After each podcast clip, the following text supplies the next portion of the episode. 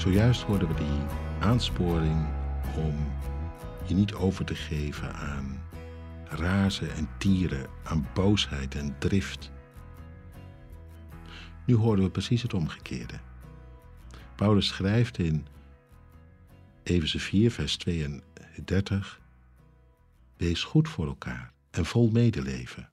Vergeef elkaar zoals God u in Christus vergeven heeft. Wees goed voor elkaar, dat is een eenvoudige regel. Je zou kunnen zeggen, niet te hoog gegrepen, maar voor de hand liggend. Kijk eens om je heen, heel dichtbij. Denk eens aan je partner of aan je kind. Misschien aan je buren of een collega.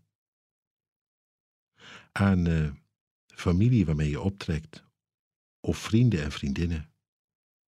Wees goed voor elkaar.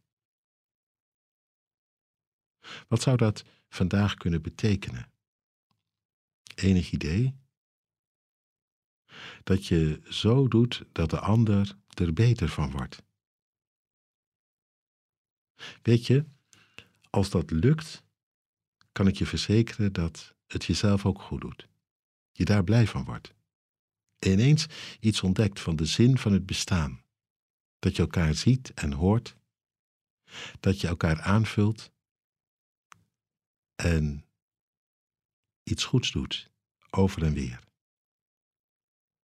Goed doet en goed ontmoet. Wees goed voor elkaar. En vol medeleven. Ja, dat ook. Heb vooral oog voor die die het misschien extra nodig heeft. Gek genoeg zien wij die vaak het makkelijkst over het hoofd. Degene die aandacht vraagt, ja, die krijgt de aandacht meestal wel. Maar degene die soms het hardste erom verlegen zit,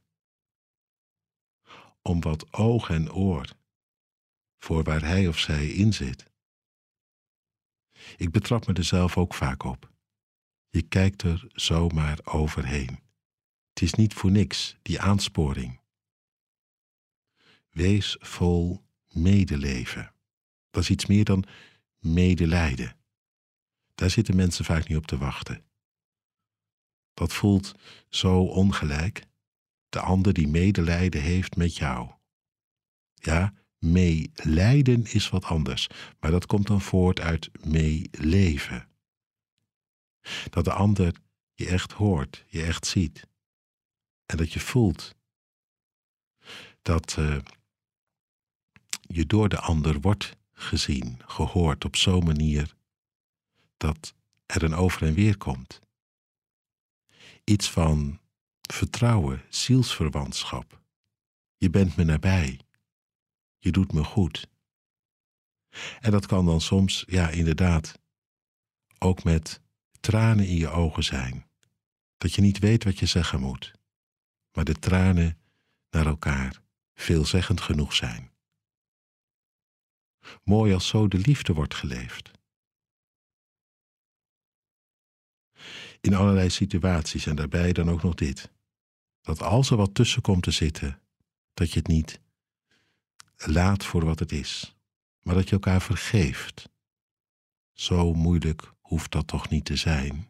Tuurlijk, ik weet ook wel dat er situaties zijn waarin je dit niet zomaar zeggen kunt, maar in de meeste gevallen hoeft het toch niet zo heel moeilijk te zijn om te doen wat hier staat.